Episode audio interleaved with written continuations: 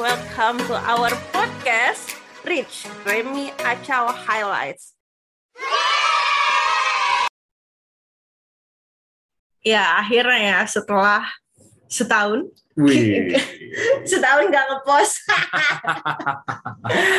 akhirnya kita balik lagi di tahun yang baru jadi karena udah tahun baru kita, judul podcast kita kali ini adalah Welcome 2022 jadi hari ini kita bakal bahas mungkin eh, hal-hal yang kita dapat setahun ke belakang kali ya 2021 terus kira-kira gimana sih memasuki tahun yang baru.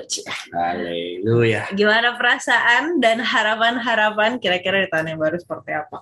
Tapi uh, start dari reflection ke belakang dulu nih di tahun 2021. Kalau dari Remy, apa yang kamu dapat selama 2021? Hmm. Pertanyaan yang mudah tapi susah untuk dijawab. Itulah Gimana namanya itu paradoks ya. Oh ya oke. Jadi ada pertentangan. Dibilang disyukuri ya, kita banyak bersyukur 2021 new era gitu ya. Semua online, semakin memantapkan lah kita untuk ke dunia online ini ya. Tapi memang di akhir-akhir akhirnya kita mulai menikmati ya dan masuk di fase Menikmati atau pasrah maksudnya? Menikmati dan pasrah gitu Oh ya. gitu ya. Karena kita masuk lagi new era baru lagi ya, pan- after pandemi gitu ya. Jadi maksudnya kita mulai hybrid dan seterusnya. Eh, ya dunia cepat sekali ya berganti gitu ya, ber, beradaptasi cepat sekali. Jadi ya yang dulu eh, menikmati offline, lalu membenci online, kira-kira begitu ya kalau Hmm. dianalogikan. Lalu akhirnya menikmati online dan offline itu agak susah gitu ya. Hmm. Nah itu itu tahun berkesannya nggak tahu sih teman-teman yang mahasiswa mungkin sekarang sudah menikmati online. Jadi ketika ada surat edaran mau lagi offline, mau lagi kuliah eh, seperti biasa, nah banyak yang bilang ditunda, banyak banyak apa? Banyak yang maunya dibatalkan dan seterusnya. Ayo siapa di antara kalian guys? nah itulah tahun 2021 itu eh, kayak waktu begitu apa ya, begitu cepat dan dari waktu setahun kita bisa merasakan apa begitu menikmati lah ya masa-masa indah di pandemi. Hmm. Menarik ya. Saya out of the box ya guys ya. Hmm, menarik. Mungkin dari Acau kali ya yang lebih eh, sangat menarik. Jadi terbeban saya ya. Eh 2021 ya kurang lebih sama sih. Tapi hmm, ya ya masalah kalau masalah online offline kayak yang tadi Remu bilang berasa banget ya kalau tahun 2021 nih yang benar-benar full online gitu. Kalau aku sih malah sebenarnya lebih senang offline sih gitu. Kamu, Iya, karena sudah tidak kuliah ya kan. ya Biasanya nih para pendengar-pendengar ini Oh, iya. jadi kalau jadi kalau kenapa suka offline karena offline adalah momen kumpul-kumpul sebenarnya gitu bukan Iya. karena aku mungkin kalau disuruh kuliah malas juga jadinya offline ya ya tapi ya itu sih melihat apa ya melihat merasakan banget sih bagaimana teknologi itu berkembang gimana apa ya hmm, aku merasa di tahun 2021 tuh semakin dipaksa untuk kreatif ya. Eh, dalam artian gimana caranya mempertahankan apa ya mempertahankan segala kualitas dengan pertemuan-pertemuan online gitu misalnya gitu.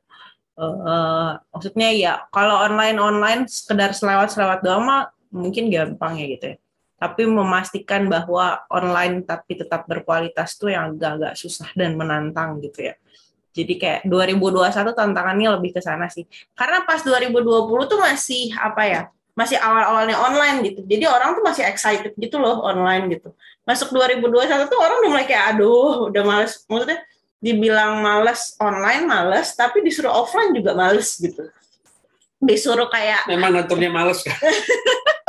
disuruh extra mile untuk offline tuh kadang-kadang mungkin eh, apa ya agak sulit gitu. Jadi gimana ya caranya supaya biarpun mungkin online gitu atau misalnya hybrid gitu tapi tetap berkualitas itu sih yang paling berasa. Tapi bersyukur sih maksudnya banyak apa ya banyak belajar di tahun 2021 gitu untuk lebih itu lebih kreatif, lebih lebih memikirkan lagi tentang kualitas dan sebagainya gitu. Itu Asik. itu kalau dari konteks pelayanan ya. Ya itu umum sih. Sekarang mungkin secara khusus kali ya. Secara khusus refleksi 2021 2021 apa apa yang kamu syukuri misalnya apa begitu? Hmm, yang disyukuri hmm, apa ya? Ya banyak lah ya berkat Tuhan di Amin. 2021 gitu ya bisa dapat kerja. Kenapa muka Anda itu gitu? ada ada yang anda lewati kerja itu ada. Kenapa Anda tidak cerita duluan kalau begitu? Kan anda yang saya tanya. Oh gitu. iya. Profesional dong, please. Ya, eh, saya banyak bertumbuh di tahun 2021. itu masih Oh ya, sekarang saya eh, ini nih. Eh, apa? udah beneran jadi dokter karena Ya jelas cuma itu itu disyukuri. aja Jelas gitu itu ya. disyukuri. Oh, iya. Tapi yang paling kamu syukuri. gitu.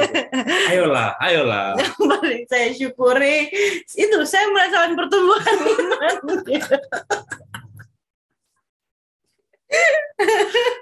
Ya terus sekarang pertumbuhan iman itu kan karena ada yang menolong begitu. Iya, orang tua saya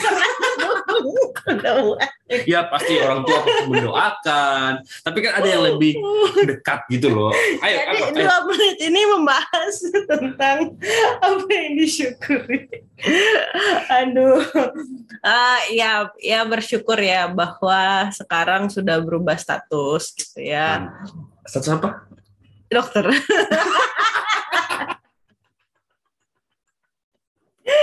status staff.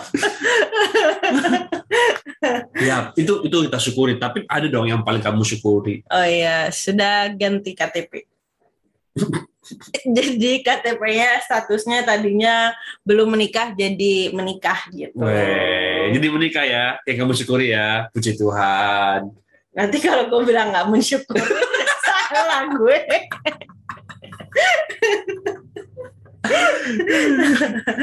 ya itulah dengan segala tantangan pergumulan pada saat itu gitu ya.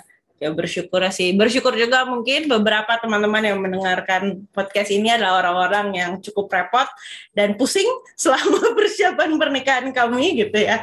Itu sih satu hal yang disyukuri sih. Maksudnya banyak banget merasakan hmm, apa ya pertolongan Tuhan ya sepanjang proses dari tunangan awal tahun terus akhirnya nikah gitu ya bahkan sampai sekarang gitu ya di masa-masa awal pernikahan tuh merasakan banyak banget pertolongan Tuhan gitu. Mulai gimana Tuhan mengirimkan eh, nggak cuma mencukupkan ya, tapi juga mengirimkan orang-orang yang boleh mendukung eh, sampai saat ini gitu. Jadi ya bersyukur sih itu. Terus Bersyukur, bersyukur. oke, udah segitu aja. Nanti isinya kamu nyanyi aja. Nah, itu lagu apa sebenarnya? Saya jadi berpikir. Oke, jadi itu ya yang kacau syukuri ya di tahun 2021 ya. Ya sama lah ya apa yang disyukuri sama Acau itulah yang saya syukuri. Dan hasil dari syukuran itu teman-teman muncullah podcast ini gitu ya. Mas ya? Iya dong. Oh iya, oke. Rich Remy Acau Oke. headline. Oh iya. Highlights. Ya, itu dia. nah, oke. Nah, tapi kan oke lah, kita syukuri nah. Baru bagaimana dengan status baru, dengan dok dengan sudah punya pekerjaan. Bagaimana perasaanmu di tahun 2021 ini?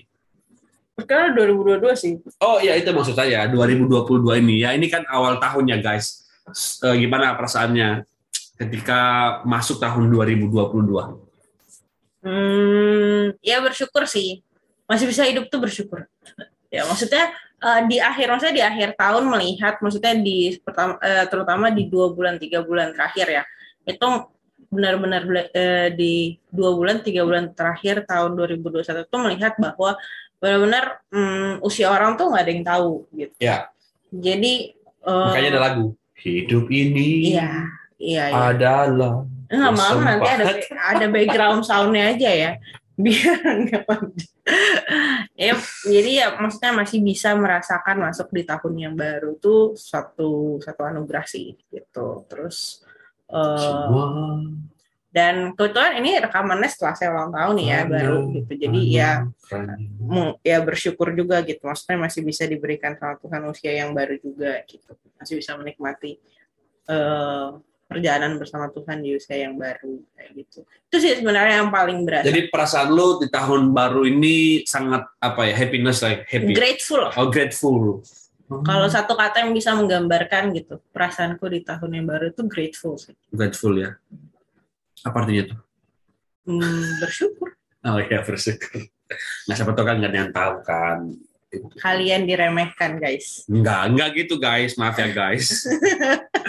Iya, jadi ya pastilah ya. Biasanya orang di awal tahun pasti kebanyakan sih, kebanyakan pasti perasaannya bahagia ya. Dengan apa? Pastilah punya tekad baru, punya semangat baru, ya. Mari kita buka hari yang baru. Iya. Betul. Nah, jadi eh, ya hampir sama juga, tapi ya memang mungkin juga ada yang eh, bersedih atau apa, tapi itu sangat sedikit sih. Biasanya kalau awal tahun itu ya semangatnya itu kayak menggebu-gebu gitu. Hmm. Yang belum punya pacar mau punya pacar gitu ya. Yang mau menikah mau Oh kamu menikah. dulu gitu ya? Ya biasanya kan saya nggak sejak saya bos Oh, Oke. biasanya gitu ya. Yang mau lulus, saya mau lulus tahun ini. Bisa jadi kan itu. Eh, jadi perasaannya tuh apa ya penuh dengan Semangat semangat, menggebu-gebu. dengan tekad yang baru. Ya biasanya seperti itu. Tapi lambat laun begitu ya, lama-lama tetap semangat juga, gitu ya. Kirain makin turun bun. Ya saya nggak ngomong gitu aja. Oke. Tapi ya, eh, ya rata-rata semua orang yang eh, apa, yang masih hidup di dunia ini, ketika tahun baru ya pasti punya tekad yang baru, semangat yang baru, eh, resolusi yang baru.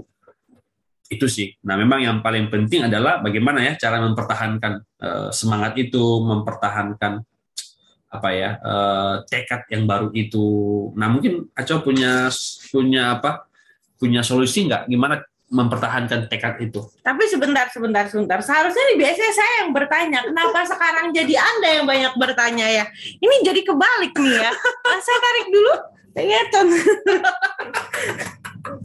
Dia senang juga guys. saya sudah mulai curiga dari tadi sebenarnya. Kok saya masih makin banyak ditanya ya?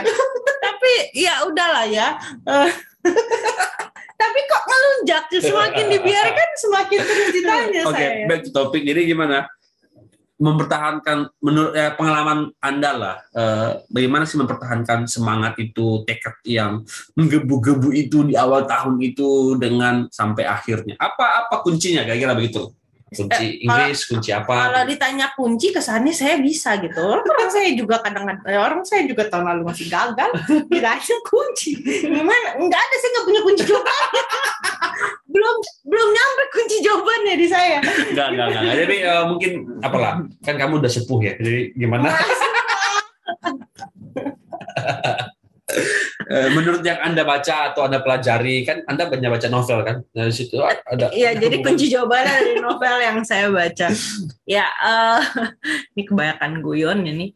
Eh, sebenarnya kalau dibilang apakah ini kunci, balik lagi saya belum dapat kunci jawabannya dari Kemendikbud, jadi saya kurang paham ya apakah ini beneran kuncinya. Tapi kalau aku melihatnya tiap orang beda-beda sih Hmm. gitu. Maksudnya eh, kalau aku gitu, aku tipe yang memang segalanya itu harus ditulis gitu Hmm, dan ditu- ditulis. ditulis tuh dalam artian bukan diketik beda dengan diketik atau di diketik di handphone atau di laptop tapi benar-benar ditulis gitu jadi biasanya tuh aku punya eh, kayak kalau akan bikin resolusi atau bikin goals tuh punya kertas atau agenda yang aku tulisin resolusi dan eh, resolusi-resolusi sama goalsku apa aja gitu.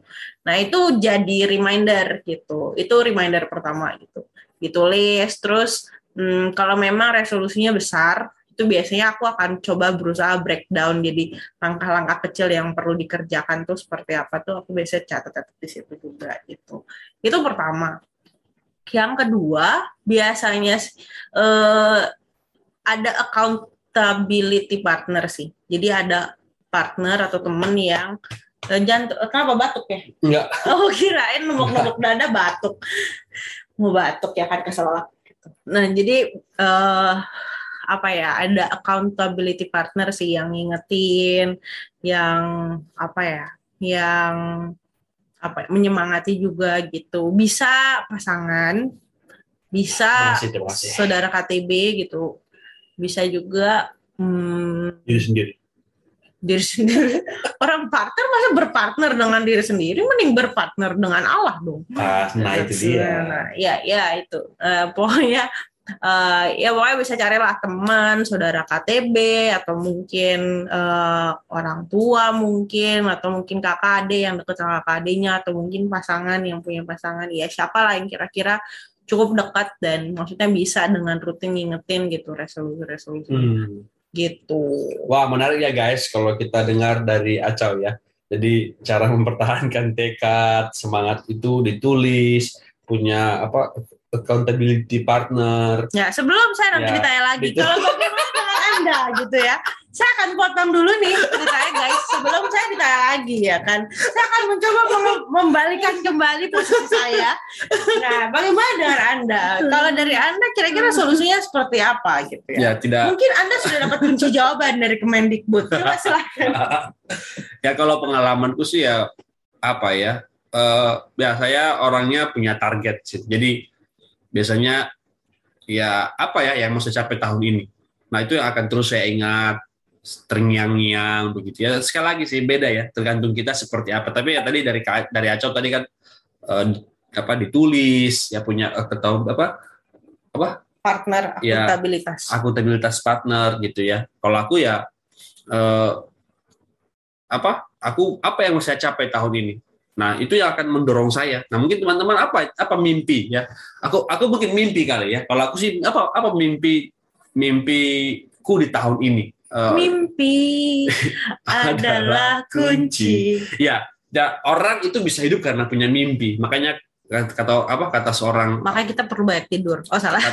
Iya betul. Kamu kalau tidur saya tidurnya bagus gitu ya. Kok jadi bahas tidur ya? Tapi kan gantungkanlah mimpimu setinggi tinggi langit. Ya, karena dia tahu bahwa hanya dengan bermimpilah ya, orang itu bisa bisa hidup. Artinya gini, dalam arti bukan hidup maksudnya oh, berarti nggak makan enggak, tapi ya apa ya? Kita harus dari mimpi. Apa yang mau kamu capai? Nah, kamu berjuang mencapai mimpi itu. Nah, kalau aku, aku punya mimpi setiap tahun. Misalnya tahun lalu mimpiku adalah menikah. Ya, puji Tuhan berhasil, mimpinya terwujud begitu ya. Nah, mimpiku tahun ini apa? Nah, biarkanlah di waktu-waktu lain kita akan bicarakan apa mimpi itu. Tapi yang jelas supaya bisa mempertahankan tekad, semangat itu ya melewati tahun ini ya, kamu harus punya mimpi. Kalau aku ya, atau apa yang mau kamu capai? Kamu pegang erat-erat ya, tapi jangan lupa ya mimpi boleh ada, tapi ingat tetap mengandalkan Tuhan itu yang paling penting. Jadi jalan bersama dengan Tuhan, berserah kepada Tuhan. Ya tentu kita punya mimpi, tapi ya sekali lagi kita juga percaya bahwa Tuhan punya kedaulatan, Tuhan punya otoritas, Tuhan punya ya dia lebih tahu daripada kita. Jadi ya biarkanlah mimpi itu menjadi semangat kita, tapi jangan lupa bahwa ada Tuhan yang lebih berdaulat hidup kita sehingga ya kalau tercapai mimpi itu berarti memang Tuhan izinkan, tapi kalau tidak ya ada yang terbaik di luar itu mungkin yang Tuhan berikan kepada kita. Jadi ya tetap memandang kepada Tuhan ya. Hmm. Tapi ya mimpi itu menolong kita untuk terus survive, terus ya karena hidup ini kena naik turun ya guys, kayak roller coaster, turunnya jauh ya, tapi naik lagi gitu ya. Jadi ya eh, bagaimana supaya kita bisa mem- mempertahankan itu? Ya selain kita punya Tuhan, berpengaruh kepada Tuhan, kita juga harus punya mimpi sebagai seorang manusia. Jadi mimpi itu nggak salah. Salah ketika mimpi itu yang paling utama daripada Tuhan. Tapi kalau mimpi itu sebagai jalan kita untuk tetap semangat, punya motivasi hidup, ya nggak apa-apa. Tapi tetap mimpinya harus bergantung kepada Tuhan. Demikian, mari kita akhiri kita berdoa. ya tapi aku jadi inget ya, aku pernah ikut sesi life planning di salah satu training gitu ya. Eh, nah terus kemudian akhirnya membahas masalah itu, masalah setting goals gitu-gitu, masalah Hmm. memplan apa sih merencanakan hidup gitu ya. Dan memang waktu itu dibilang sama salah satu kakak alumni gitu, eh, dibilang bahwa penting untuk punya eh, dia eh, dia pribadi sih punya eh, sama keluarganya itu tiap akhir tahun itu mereka biasanya retreat gitu. Jadi mereka benar-benar apa ya kayak itu berefleksi dari tahun ke belakang gitu sambil uh, bersama Tuhan ya tetap ya melibatkan Tuhan ya. Uh, menggumulkan mendoakan kira-kira apa sih yang mau dikerjakan selama satu tahun ke depan gitu. Hmm. Jadi ya setelah aku pikir-pikir ya itu salah satu apa ya salah satu kebiasaan yang baik juga sih menurutku gitu. Di mana uh, di akhir tahun gitu ya kita coba di akhir atau di awal tahun gitu kita coba cari waktu. Kan biasa akhir tahun awal tahun libur ya. Maksudnya minimal pas tanggal satunya lah ya libur gitu. Biarpun mungkin kemarin cuma libur tanggal 25 sama tanggal satu aja gitu. Mungkin masih tanggal satunya gitu bisa cari waktu. Jadi bukan cuma tanggal satu jadi cuma uh, apa ya waktu jalan-jalan gitu ya. Tapi boleh jadi momen uh, refleksi juga dan mulai memikirkan satu tahun ini kira-kira uh, nanya eh, kita nanya nih sama Tuhan Tuhan mau aku ngerjain apa sih selama satu tahun ke depan gitu.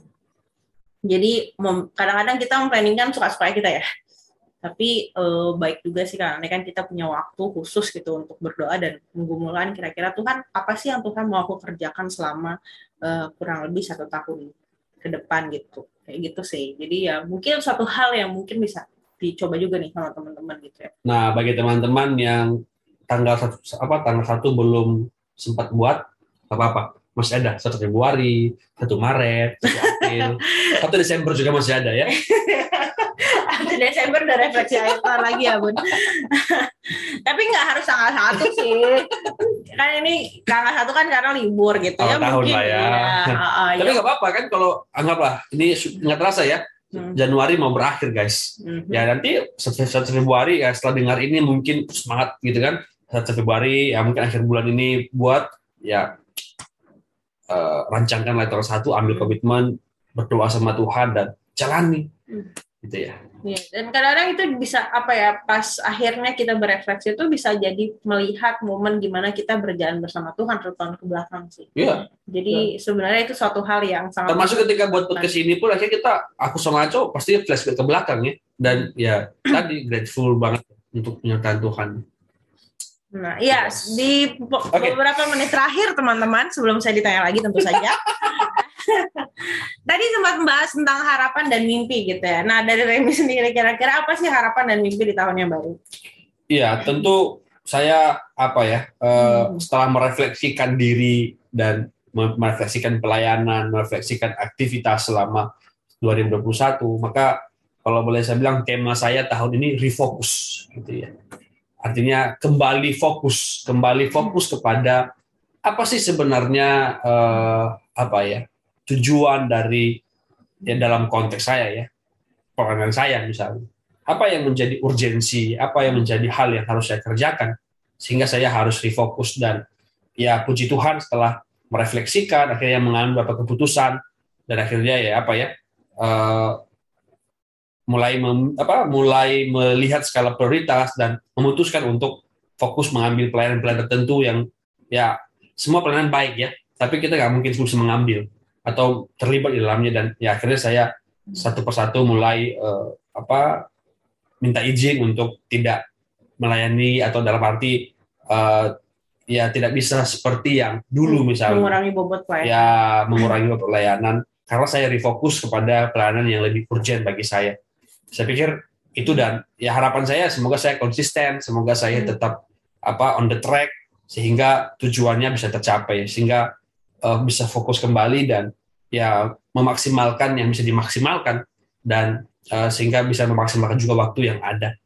Uh, itu sih karena 2021 teman-teman waktunya begitu cepat, begitu rapat sekali, padat sekali sehingga uh, apa ya ya jujur aja burn out ya pernah beberapa kali burn out pernah beberapa kali akhirnya malas ngapa-ngapain tapi bersyukur punya istri yang luar biasa yang selalu mengingatkan gitu ya yang selalu menegur dan seterusnya tapi ya ya mau sampai kapan? Cara menegur sama marahin beda tipis tapi kan mau sampai kapan begitu terusnya kita harus tetap akhirnya tahun ini refokus kembali dan ya puji Tuhan ya sudah mengambil satu langkah untuk beberapa hal yang tadi saya bilang uh, mulai melihat pelayanan mana yang lebih utama untuk saya kerjakan. Nah mungkin teman-teman juga perlu ya refokus, mungkin mulai melihat apa ya pelayanan atau organisasi, kuliah atau organisasi pelayanan. Uh, saya tidak mengatakan bahwa lebih penting pelayanan atau kuliah, tapi seluruh bagian hidup kita kan pelayanan. Cuma mari kita lihat uh, di mana kita lebih uh, efektif, lebih berdampak dan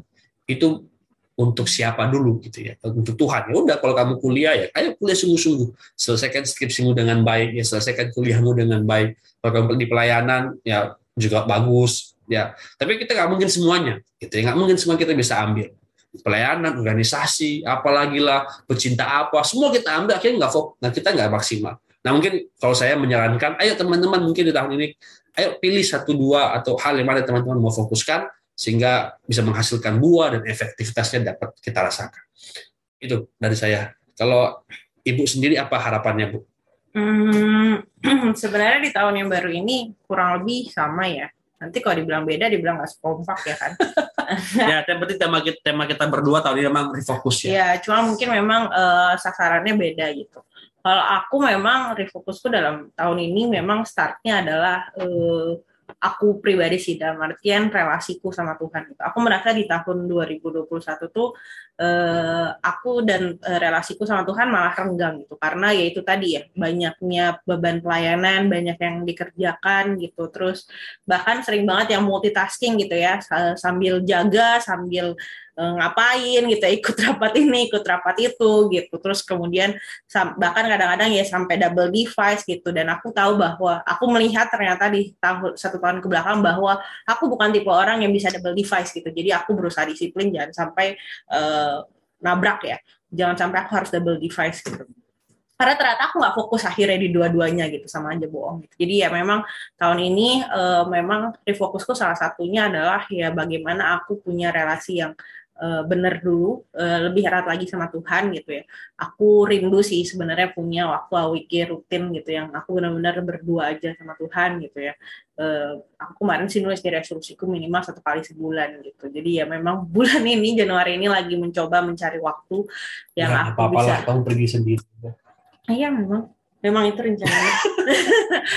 iya, karena memang ya maksudnya uh, ya kalau yang bisa retreat sama ya maksudnya bisa retreat sama Remy yang menyenangkan tapi maksudnya ada momen yang aku memang merasa bahwa ah ternyata aku butuh nih berdua aja sama Tuhan gitu. Supaya ya aku juga bisa maksudnya bisa jadi berkat buat Remy pun dengan berkat buat orang lain pun gitu. Maksudnya ya kalau aku nggak apa ya kalau aku nggak penuh sama Tuhan juga sulit gitu. Ya, ya setelah itu ya baru pelayanan sih gitu. Ada beberapa pelayanan yang tahun ini mulai aku prioritaskan, terus kemudian ada beberapa pelayanan yang tahun ini mulai aku delegasikan gitu ya. Jadi ya mm, mulai membagi apa ya? Ya itu lagi sih mulai berusaha membagi fokusku dengan lebih baik gitu. Karena kan aku juga kerja, aku juga praktek gitu. Jadi ya tahu kapasitasku gitu. Penting ya teman-teman untuk tahu kapasitas ya kayak tadi Rewi bilang itu tahu kapasitas dan akhirnya melihat bahwa yang mana sih yang kira-kira aku lebih efektif yang mana yang harus aku prioritaskan uh, di waktu-waktu ini gitu. Oke lah teman-teman, kurang Ups. lebih seperti itu episode kita hari ini ya tentang apa sih yang kita dapat satu tahun ke belakang dan kira-kira apa sih harapan, apa sih ya mungkin resolusi yang kita punya di tah satu tahun ke depan di tahun 2022.